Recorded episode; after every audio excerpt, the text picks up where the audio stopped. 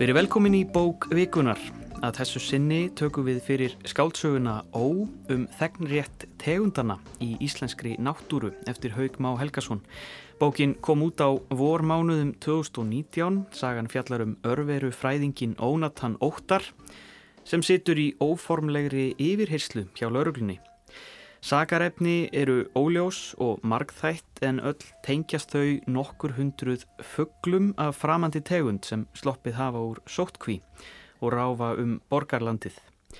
Sjálfur þver tekur Ónatan fyrir að eiga hlut að máli en ímsar förður hafa þó hendan undanfarin sólaring eftir að honum var sagt upp störfum hjá Náttúrufræðistofnun Íslands.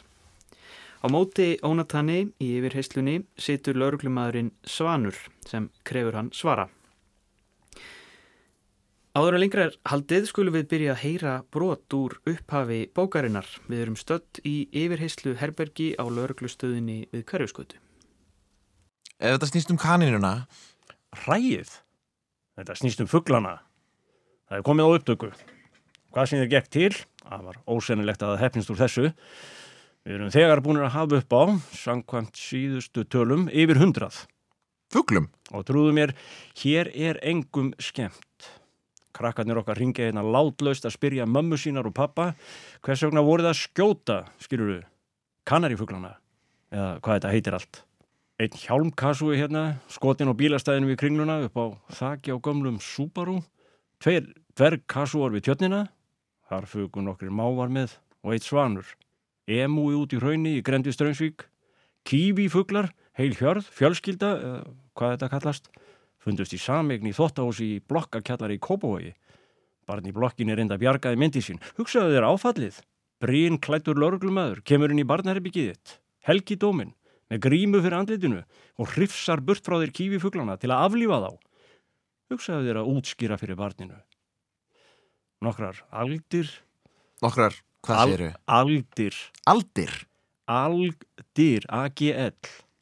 Ag- aldir, Já, þær heita þetta. Aldir stendur hérna á listanum. Fundust flestar standand á þvottasnúrum.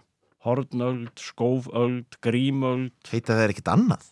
Aldir er það sem hér stendur. Ein Penelope hæna. Þetta er eins og farþegalistin í örkina snóa. Engin Penelope hæni á listanum. Nói var auðvitað í öðrum, er þetta gjörðum? Nokkrir húkar, otthúkur, brandhúkur, hjálmhúkur, bólunhúkur, nefnhúkur, skúfhúkur. Flestir veitir í lögadalum. Einhverjur upp á Suðurlandsbraut, þar að veitni ráftækjaverslun. Nokkrir skotnir, öðrum komið í net og svo gasaðir. Gasaðir? Afsakaðu, aflífaðir. Í samræmi við gildandi lög og reglugerðir.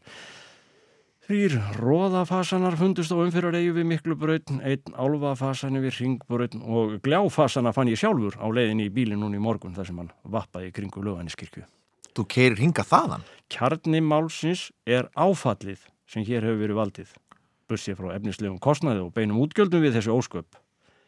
Ímyndartjón sem eitt og sér leipar á 20 miljónum segja þau. Voru ekki págöggar? Ég var rétt að byrja.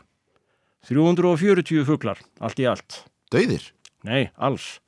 340 fuglar, alls. Cirka 100 fundnir. Og dauðir? Já, hundnir og döðir. Og hvað nákvæmlega er, þið haldið að ég sé viðriðin þetta, ég skil það, en hverjar eru þá, uh, Sakargiftinnar?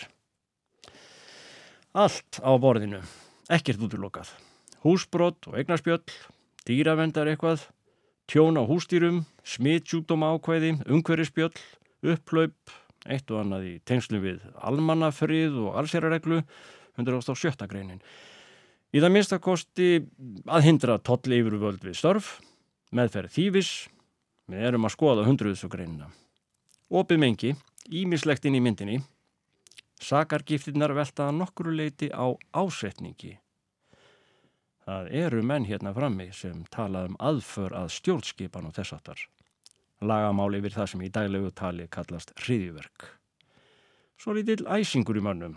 Ég, ég er ekki sjálfur þér að segja, ekki samfærður um að það sé.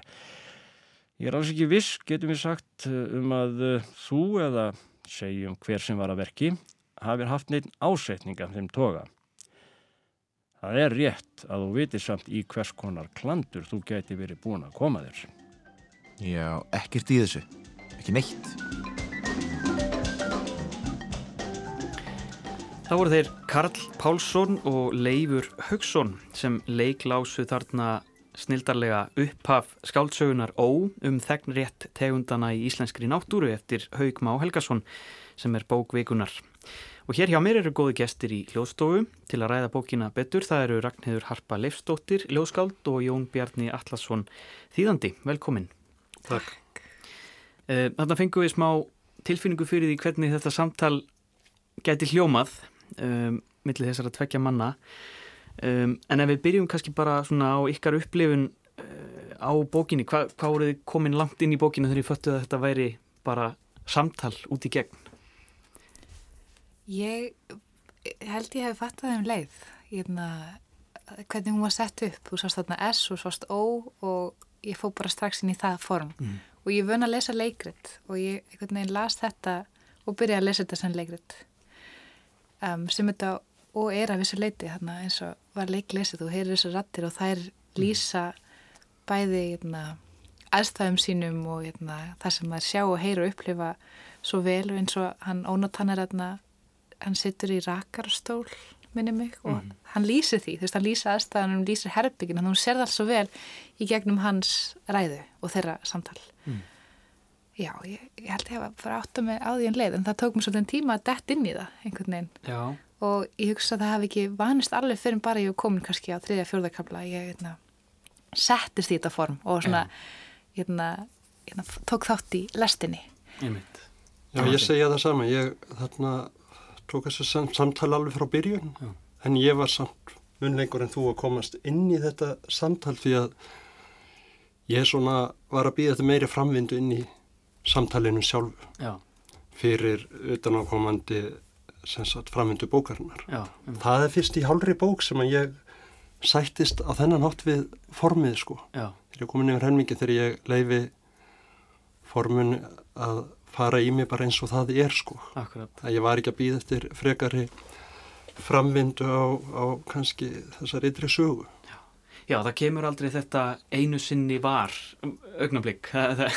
Þú ert alltaf bara inn í þessu herbergi með þessum tveimur mönnum og færið ekkert annað í rauninni og þarf að ímynda þér allt annað. Um, sko, það, er, uh, ef við ræðum svona stíl og, og rattin, af því, því að þær eru algjörlega undirstaðan í þessu, uh, er, við, við verðum aldrei neins vísar í einhvern veginn, þetta er, þetta er tveggja manna tal en það leiðir í raunin aldrei neitt, við erum, við erum alltaf að býða eftir að einhver seti bara fótið niður og, og segja sannleikan, það kemur aldrei. Er það voru þið svona orðin örvæntingafull eða svona óþrjöfull Já, ég fann það alveg og ég held að það hafi bara verið vísvitandi hjá höfundi að hérna, eins og hann, hérna, ónátt hann, hann vill aldrei ræða engalífið sitt. Hann hérna, ræðir ekki konuna sína og ræðir ekkert fyrir utan það sem að Svanur byður um og svo allt hitt. Hann ræðir pælinga lífsins, hérna, verandi veru fræðingur hvernig hérna, mannfólki var til, þetta bara allan heiminn en skautar gerna fram hjá því sem að hann er raunverulega byggjum og raunverulega skiptir máli um, og gerir það oft mjög bara það er svona eins og hann hlusti ekki á hann.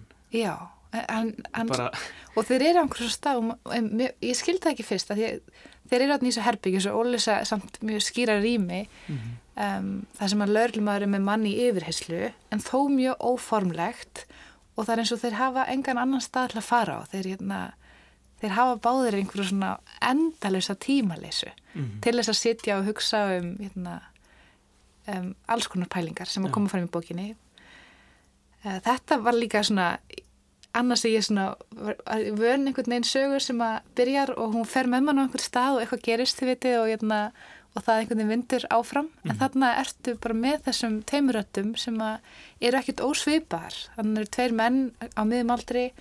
Hérna, rattirnar eru ákveðin samhljómur það er aðeins hinn með meira valdi við öðrum einhvern veginn og um, en samt er þeir sko talaðir einhvern veginn á sömu bylgi þó þeir sé ekki alltaf sammála?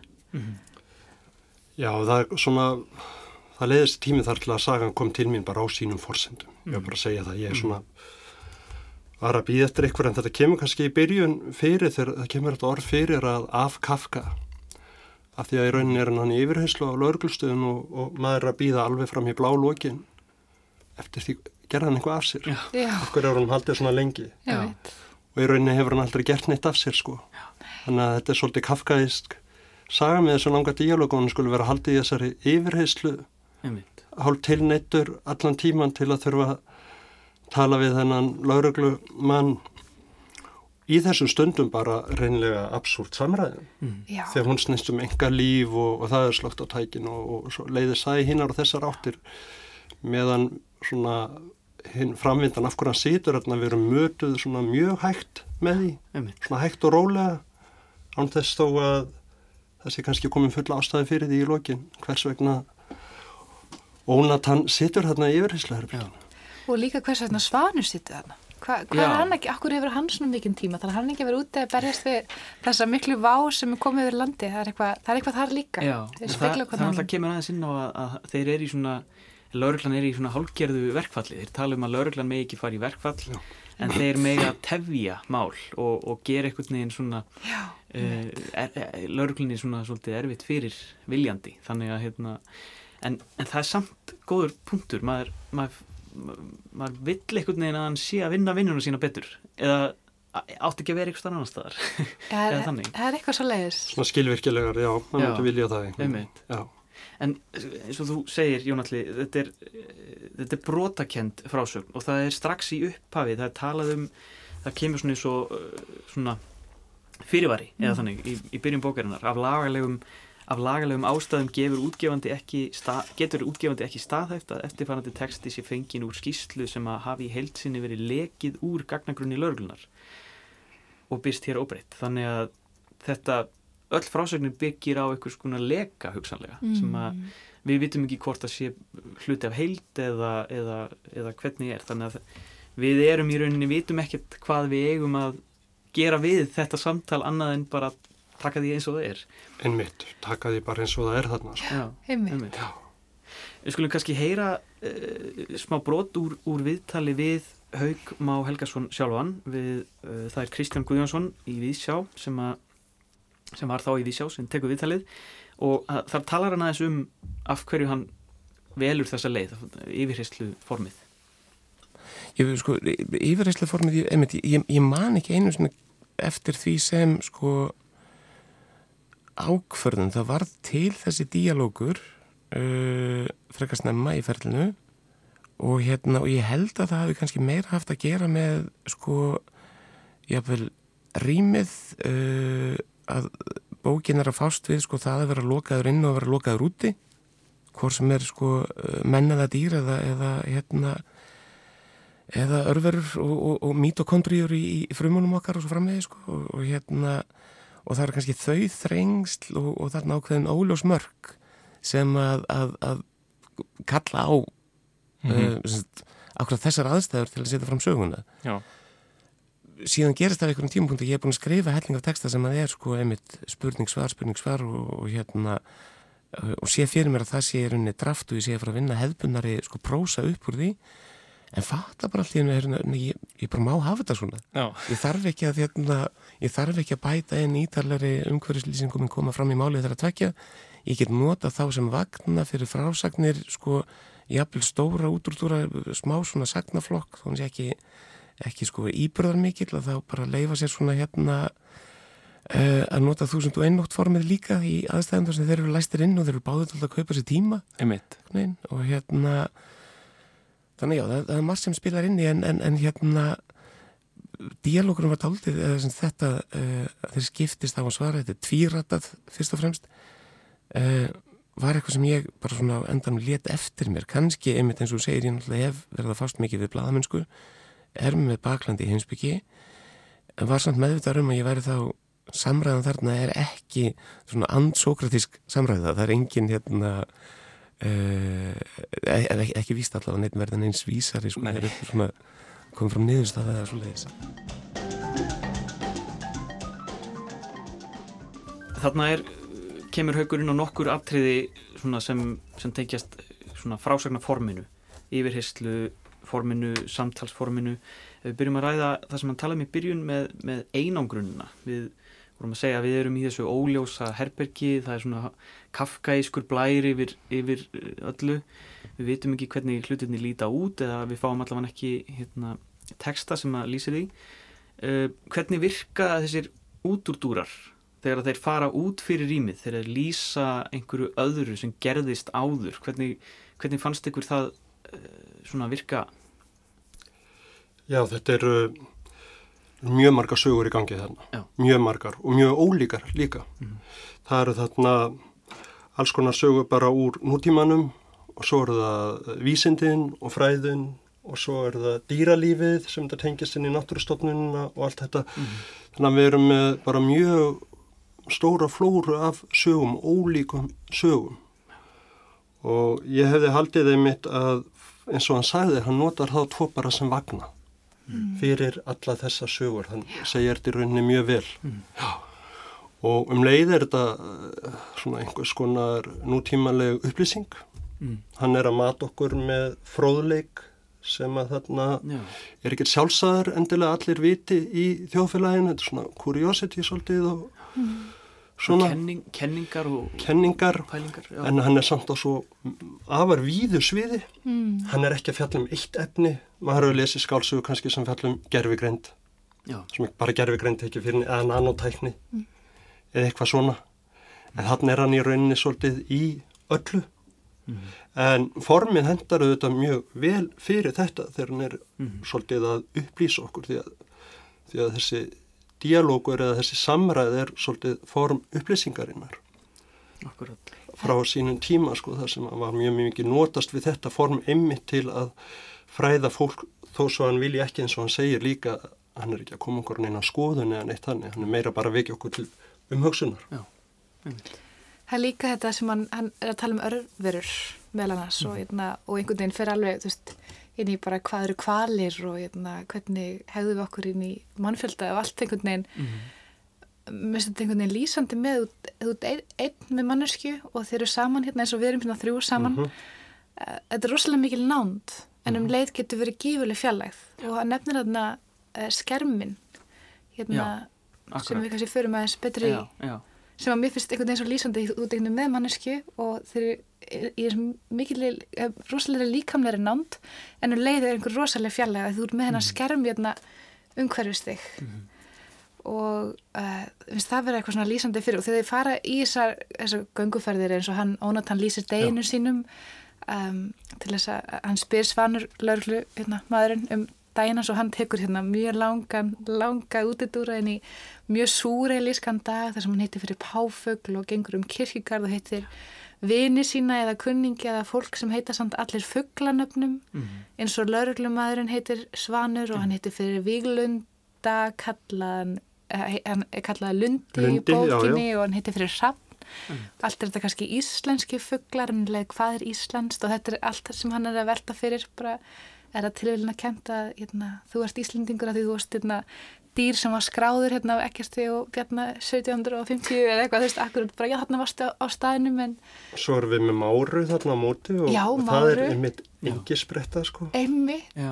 svona einhver, þá erum við útlending, engisbrettan er ekki hjá okkur meðan krummi og rafn og lundin eru hér sko. og með svo stórkastlega pæling með þarna invasive species sem hann tekur fyrir, það er þarna Já, Já, innrásar. inn, Innrásar. innrásar, hvað heitir það, Tegundirnar, tegundirnar og þetta er orð, eða svona þetta er búið til inna, þetta, þetta hugtak af, af manni og þegar hann er að bú, búa til þetta hugtak þessi útgefandi eða rithundur sem gerur þetta út þá gefur hann okkur fílinn sem dæmi, fugglinn hérna fíl já, sem að kemur frá Íslandi upphaflega og um hann hvað var á 1700, 1800 verður innrásarfugl í Englandi og Írlandi og þú veist Svíþjóð og Noregi og þetta er eitthvað svo dásamlegt, hérna, dásamlega anstæða Já. að því Íslandi er svo mikið þú veist, við erum þetta hérna land einhvern veginn og já, þetta er svo mikil eiga. Já. þetta er algjörst eiland og, mikil hérna, eiga, og við, við, þarna er okkar skermur hafið Já. og risastór skermur sem það er Og, og þetta er líka spurningum skilgreiningar og mörg. Hvað, hvar byrjar ein tegund og önnur, sko, hvar hættir ein tegund og önnur byrjar og, og svo er eh, hérna, landamæri og allt þetta. Þetta er allt einhvers konar skilgreining og við uh, það er líkillin svolítið að þessari sögu að við erum alltaf að reyna að koma böndum á heiminn og það gengur misvel og þá myndast einmitt svona uh, bara fordómar og, og, og svona bóð og bönn og alls konar og við erum svolítið stödd bara í, í því miðju svona þessu, þessu samtali hvað má og hvað má ekki og hvað er Já. og hvað er ekki Já. þannig að Mér finnst gaman að lesa þetta sko núna í dag, eða á, á þessum síðustu dögum þegar við erum að fjalla um til dæmis vírusinn sem er í gangi núna já, og uh, hvað að gera á að loka landinu, allt svona einhverja svona gigantískar pælingar Mhm. um, en leið einhvern veginn hvað það hefur áhrif á okkur. Ég heyrði bara í dag að hérna, salan á korónabjór hefur aldrei verið jafn mikil já, út af nafninu út af nafninu. Þú veist, þetta er eitthvað svona að því hrapt sem hann hittir talar, talar um vírusa sem hugmynd eða hérna, þú átt að breyða út hugmyndin svo þú Já. breyðir út vírus. auglýsingu. Já, og þetta er svona eitt af þessu fjölmörgu, bara hvað, það er tegund sem verður til sem verður svo til að annar, annari tegund og Já. hvernig brjótast við úr hérna, hafinu yfir á drullpollin yfir í landi. Já. Þetta, þetta fer mjög við það. Fjölm- En einhvern veginn mjög kjarnast þarna í þessu herbergi sem eru tveir saman miðaldra menn að tala um lífið og hafa Já. hvorugur einhvern veginn stað til þess að fara á og vil ekki takast á við umheiminn. já, og ég eru nánast einhvern veginn ekki til Nei, svona á meðan þessu samtali stendur Nei. þeir vilja helst ekki vera til, einhvern veginn það Já. er tilfinningin að þeir Já. ætla bara þess að býða með heiminn, bara vera þarna, ekki fara neitt. já, En hann hefur nú lendið ímsu samt þennan dag. Já, já, hann- já, er hann alveg kannski ónatan, búinn með já. kvótan. Hann búið með kótan kannski já, svolítið. já. Já. það eru æfintýralega hérna, sögur og það er einmitt eins og þú sagðir það, er, eru sömar hálf súrealískar Mm, það er, mjög. verða bara svona hálf órumurlegar einhvern veginn. Já, þetta er svona fróðleikur, maður þurfti bara að taka oft stikkpröfur og aðtöga hvort þetta væri satt sko, sem hann var að fara með en ég sá ekki betur, hann var yfirleitt að fara með rétt mál. Og fyrst Já. þú talaður um fílin, hann var í rauninni heldur ekki til hérna á Íslandi fyrir 1700 ekki, nema kannski grímsi eða eitthvað, Einmitt. þannig að hann er nú líka hér svolítil svona innrásategund. Já, en, en sjá- sjálfsagður í okkar augum í dag og, og mjög fín fugl sko. en uh, Ónatan sjálfur er uh, örverufræðingur og va- vann áður hjá Náttúrufræðistofnun en, en uh, var rekinn þaðan uh, hann einhvern veginn með því getur hann farið svo mikið á dýftina sko hvað varðar líf, líf á jörðinni Mm. að hann er að rannsaka smæstu einingarnar smæstu, já, líf einingarnar og talar um á einhvern stað að, að allt annað líf eða svona aðrar tegundir séu bara hliðarspor í þróunasögunni og þá velti maður fyrir sér sko hvað eru þeir þá geta þeir haft svona sterkar skoðanir á, á lífinu einhvern veginn hérna, með þetta hérna, í, í, í bakhöndinni. Um, en ég kannski eh, ef við færum okkur aðeins yfir í hérna, um, þessar þessar rattir uh, þetta, er, þetta er eins og leikrit við komum inn á það, þetta gæti verið svona eins og útvarpsleikrit. Og við heyrðum nú smá svona útgáða því hérna áðan. Uh, það er stundum sem rattirnar uh, renna saman fannst mér að það var ekki skiljanlegur munur oft. Einhvern veginn, þú, þú Ragnarður talaður um líka þeir væru menn á sama reki. Fannst ykkur nógu mikil uh, aðskilnaður þarna? Eða sem sagt svona dýnamík eða þannig? Ég, ég, ég hugsaði að veri vísvitandi einhvern veginn að þeir einhvern veginn spekluðu hvern annan runnu saman í hvern annan. Báðir vinnaðir hjá, eða unnu hjá stopnunum og hérna spekla ólíka skoðanir sem þar koma fram. Þeir klára setningar hjá hvoraðurum leiðrætta hvern annan þeir hérna, kla- einhvern veginn bara vita nákvæmlega hva, hvað hinn er að hugsa einhvern veginn þeir, Þeir eru mjög ólíkir samt í Já, mjög mörgu já. og þarna um, Svanur er mjög strángur Já. og bara fyrst þú varst að nefna þarna sögnin sem kom fram í upplesturum á hún hafði nú farið fram hjá mér við lesturinn þegar hann talar um að gasa já, Já. einmitt sem er bara reynd úr, úr geðinga málunum síðar í heimstyrjöldinni sko. og svo talar hann um vinnun göfgar mannin, það kemur fyrir í bókinni já, svo talar hann búsáhaldabildninguna og allt það rugglið mjög niður já, niður og svo eru ýmsi staðir sem að svona sína alveg mikið í þessa átt meðan Ónatan er, er, er mjög umbörðalindur, mm. afar umbörðalindur og er eiginlega bara reygin þess vegna. Mm. Þó við fáum eiginlega ekki að vita það en, en í raunin er hann reygin svolítið út af bara umbyrðalindi út af henni mári sem að lýsir kaninjunu sem sjönda vilda spendir í Íslands sem hann fengi þekkarétt eða eitthvað. Og hann stýður hana þó það komur nú kannski ekki skýrt fram. En, en hann er svona talsmaður viss umbyrðalindis og, og, og, og forgengileikans að því hann er náttúrulega í örverunum. Já. og þá er þetta þó að þeir hafi margt um þetta að segja þetta þá var maðurinn svolítið forgengulegu við hliðin á þessum örverum eins og þær byrtast í, í verkinu. Ummitt. Já. Og, og þeir hérna, þeir eru svona kannski eins og sitt hvort hliðin á sama penningnum. Þeir eru báðir svona stopnana úr, úr stopnunum en, en hafa svona mismunandi sín á, á, á lífi og tilhjuna en, en það er svona stundum einhvern veginn eins og að það, þeir svona renni saman eitt og það er kannski svona þetta lífræna að þeir Já. eru hálgerð ein, eining en, en samt, Mm samt ekki það er svona, Og polarisera líka hvort annan. Já. segir, Já, veist, það er þarna ólíka skoðanir sem koma fram en um leið mætast þeir á öðrum stað á sama stað. já, Verðeknin að koma fram og tilbaka eins og lífið sjálft er. Það er svona hérna, og vissulega er maður ekki alltaf að fylgjast með kannski heldur hver að tala er það. þarf bara að því að það, þetta rennur hvað sem er svolítið þannig sko Einmitt, ég þurfti stundum að, nei, þetta er svanur, nei, nei ok, þetta er einhvern veginn. Já. En svo uh, það er mikið talað um náttúruna augljóslega og, uh, og hver mörg hennar eru. Við skulum heyra annað brot úr viðtali við haug um, um, um náttúruna og, og hugmyndir okkar um hana. Uh, maður gerir ekki þó ég hef unnið að bókinu og hrið þá rétt klóra maður í yfirborðað á stórkostlegum uppgötunum sem er búið að gera á, á, á síðustu árum og áratugum. Ein er þessi að, að hérna svona í þróunasögu lífsins þá lítur út fyrir í dag að við öll hérna við, við ein, heilkjörnungarnir við, við fjölfrumungarnir séum uh, eiginlega dítill í sögu örfura sem að, að búa að miklu meiri erðafræðilegum fjölbreytileika. Og það er margfalt meiri erðafræðilegur fjölbreytileiki í sko bakteríunum í þínum eigin skrokki en í mannkinu öllu. Uh, miklu fjölskrúður að DNA sem þú burðast með dag frá degi hérna eh, sem er þetta ekki þú og, það eru bara dýrðilegar sko, dýrðilegir heimar sem opnast þarna sem er auðvitað vinna úr á ótalvegu fyrir mér þarna við einmitt mótum þessa karakters og þessar sögu þá var þetta gaglegt upp að bara fá svona einmitt skref út fyrir náttúruna eins og við skiljum hana frá deildags og koma svolítið aftan að húttakinu.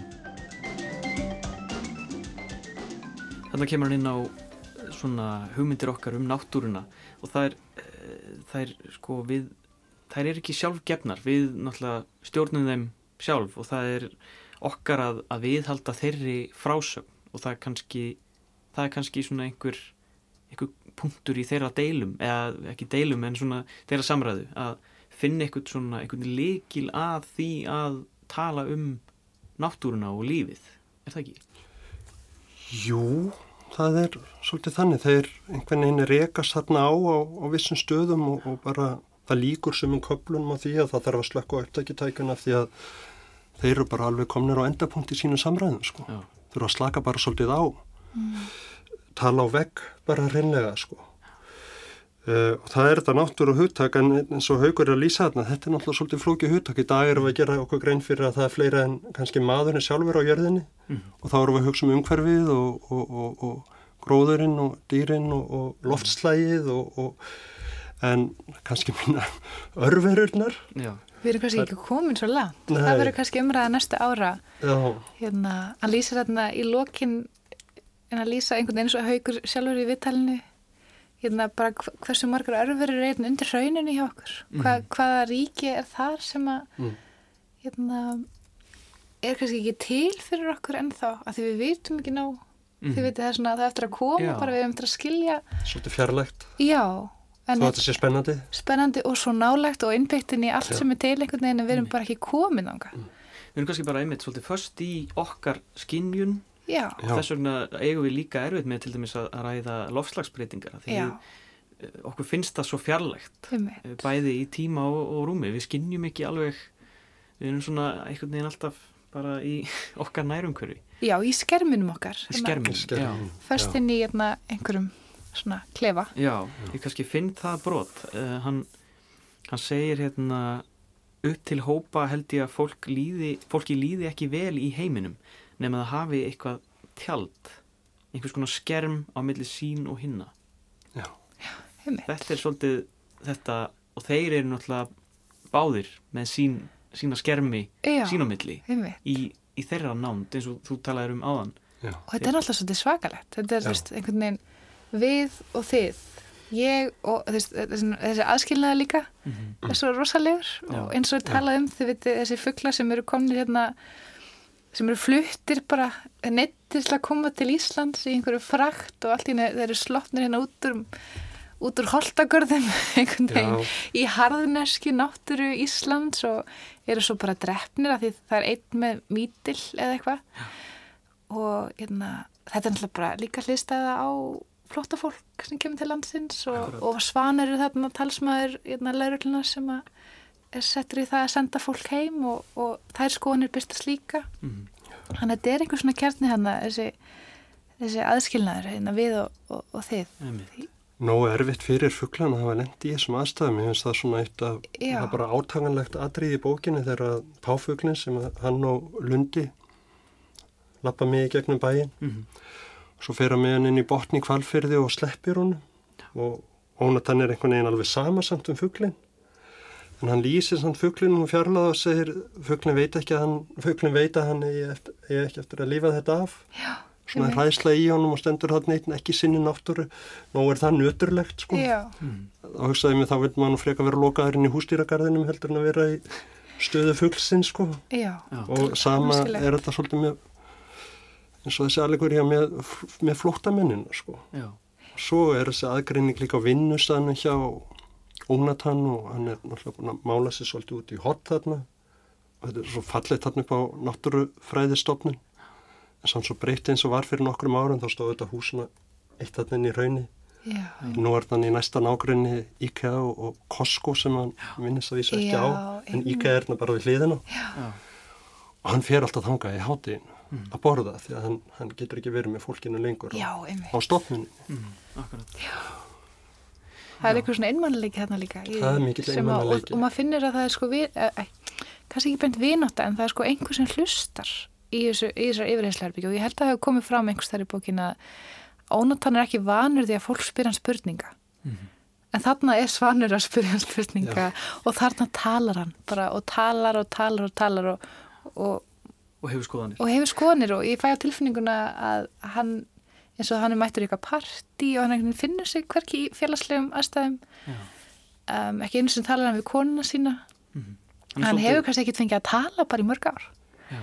En hann skýrir þetta svolítið áhugaverðan hátt í bókinu þegar hann vitnar í kristnitökun. já, Já. einmitt Þorgir já, ljósvetning og það er bara mjög áhugavert. Ég hef aldrei séð þetta svona sett fram að ég hef talið þetta frekar svona jákvætt og fólk hafi fengið að stunda sína hjátrú í leini Í leini, en í raunin er ekkert jákvætt við það því að þá ertu alltaf að fel eitthvað og þá ertu búin að gera leindamáli í þessu og þetta notar hann á sjálfan sig þúsund árin síðar að, að hann vil ekkert vera að segja frá hlutum að því að þetta er allt í leini sem er gert hérna. já, hver, Þetta er allt svolítið þú- hann þurft að þaga um hjartans mál Já, það er að það um hjartans mál og já, það er ok, okkur einhvern veginn kent í gennum þúsund ár og í blóð borið bara eftir, eftir þetta.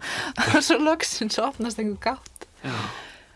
Þá erum við komin inn á þetta, þetta með sko skilgreiningar, hvernig við erum búin að svolítið skilyrða eh, umræðuna, til dæmis bara um, um tegundir, við, við hérna, greinum að milli tegundana, en eh, til dæmis bara þetta með að tímasetja uh, hvað er íslensk tegund, það hefur rosalega áhrif. Þú, þú, það er hérna fuglategundir sem eru íslenskara því að þegar að þær eru skilgrindar sem íslenskar þá er allt annað eftir það framandi mm. og er það rétt eða ekki. Og, og svo er þetta líka má, eins og þú talaður um með flóttamennina. Þú veist, hvenar ertu maður, bara maður? En, en um leiðu skilgrinir hópana Já. þá myndast þessar, þessar gjár. Og hvað er þetta tilvíluna kent? Já. hvað er þetta kent að einhverjir náttúrufræðingar fór gungutúr fyrir 250 árum og ákveða þetta var íslenskar tegundir í náttúrunni? Eða hvað, þið veitir þetta er svona Já, þetta er náttúrulega kannski flóki, þetta er náttúrulega meira með spendýrin Já. að því Já. fugglarnir koma hinga Einmitt. og það breytist alltaf að sjálfur sér Já. og, flór, og fánan okkar breytist en, en hafið er ekki eins mikill tálmi fyrir fugglan og, og, og spendýr og er ekki eins mikill tálmi fyrir fólk heldur en, en það má alveg halda áfram í þessari táksugu með mismunandi fuggla og, og, og það fólk sem er okkur næst hérna og mjög auðvelt með að koma hinga en því fjarlægri sem fólkið verður því því erfiðra er, er það og þessi fugglar þeir eru nú allir hérna bara Karabíska hafinu eða Amazon skóginum eða þetta er ekki fugglar sem við þekkjum. Þetta er algjörlega ókunnugi fugglar og það er náttúrulega kjarnin í, í, í deilunni eða þannig um þetta að hvenar öðlast er einhvers konar þegn rétt eða Já, hvenar verða þeir viðurkendir hvenar meiga þeir og, og hérna, umfram það að vera bara skotnir. Já. af því að þeir eru til.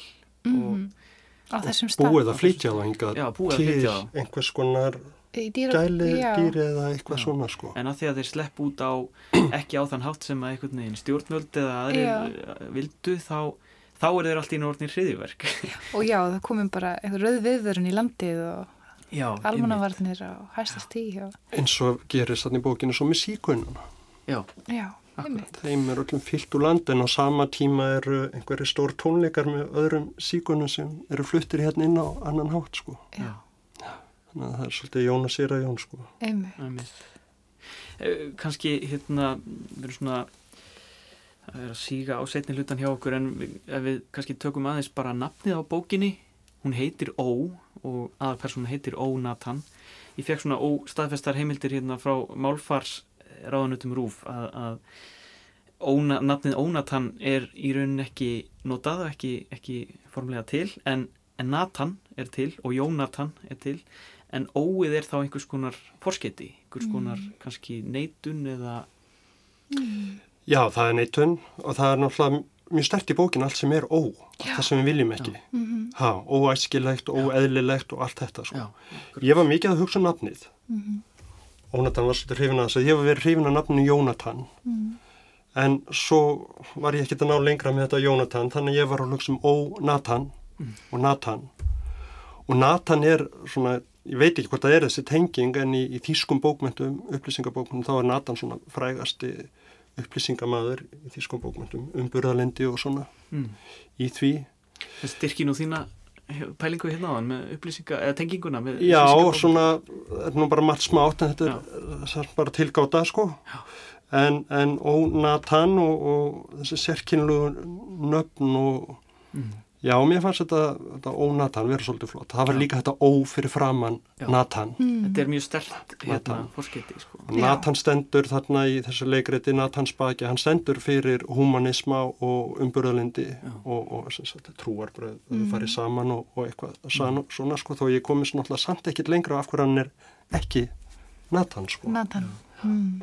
Nei, þetta líka kveikti eitthvað í mér að þetta er nafn sem við hefum ekki heyrt uh, en um leið öll hinn nafnin í bókinni það getur tengt við eitthvað. Það er fugglar, vera að vera, örvar, sem er konan hans, uh, allir karakterinir fugglarnir og svo e- eða mára sem er engispretta. Þetta er allt eitthvað svona og svo ertum við ónatan, það sem er þetta ósagða eða eitthvað, eitthvað ó. Já, eitthvað ó, og fallegt að velta þessu fórskipti fyrir sér hugsa um þetta já, bara eitt og sér ó. Kannski bara rétt að lokum uh, um uh, já, bókina Ó er, er hérna er þetta góð bók, er þetta skaldsaga sem að, maður á að lesa? Já uh, tvímanulegst bara leifin að koma svolítið til sín. Já. Ég var svona býð eftir hún færi einhverja aðra brautir hálfa bókina en, en svo bara gerist þetta. Og, og það er líka einmislegt aksjón í hennu og bara lokin, þetta er svolítið það er hérna karnival og, og allir þessi fugglar og, og þegar hann brýst inn í útastöðun þetta myndi mér hennilega á sko Rókland eftir Hallgrim Helgason þegar Bötti ræðst inn á stöð 2 með bissu og, og hérna, frækt atriði. Mm. og hann gerir þetta svolítið þarna þegar hann ræst á Dotta og Ditta í útvarpinu þannig að það er margt í þessu og, og, og, og þetta er svona þung og létt bókum leið svona svolítið. Já, ég held að hún, hún krefst svona aðeins öðruvísi lestrar svona, þú, þú setur því aðeins aðra stellingar en uppskerð gífurlega mikið. Já. Það er margt sem að og ég er búin að vera að lesna núna og bara massi ég fann að hugsa um aðeins öðruvísi og pælingar sem er gaman að fara eins og þú, þú fór að fletta upp bara, getur þetta verið satt? það er svo margar og margar forutnilegar pælingar í þessu Já. en hérna einmitt, þú bara setur því svona ákveðnar öðruvísi stellingar við að taka hana inn og þá verður hún þér mjög gjöful Akkurat. Ég held að við þurfum að setja punktinn hér, við kannski bara býðum eftir útvarsleikritinu á þessu, eit- einhvern daginn. Uh, við höfum verið að ræða bókina Ó um þegnrétt tegundana í íslenskri náttúru eftir Haug Má Helgason. Ég þakka viðmælendum mínum kærlega fyrir spjallið, Jón Bjarni Allarsson og Ragnhildur Harpa Leifstóttir. Takk fyrir að hlusta og verið sæl. Takk fyrir.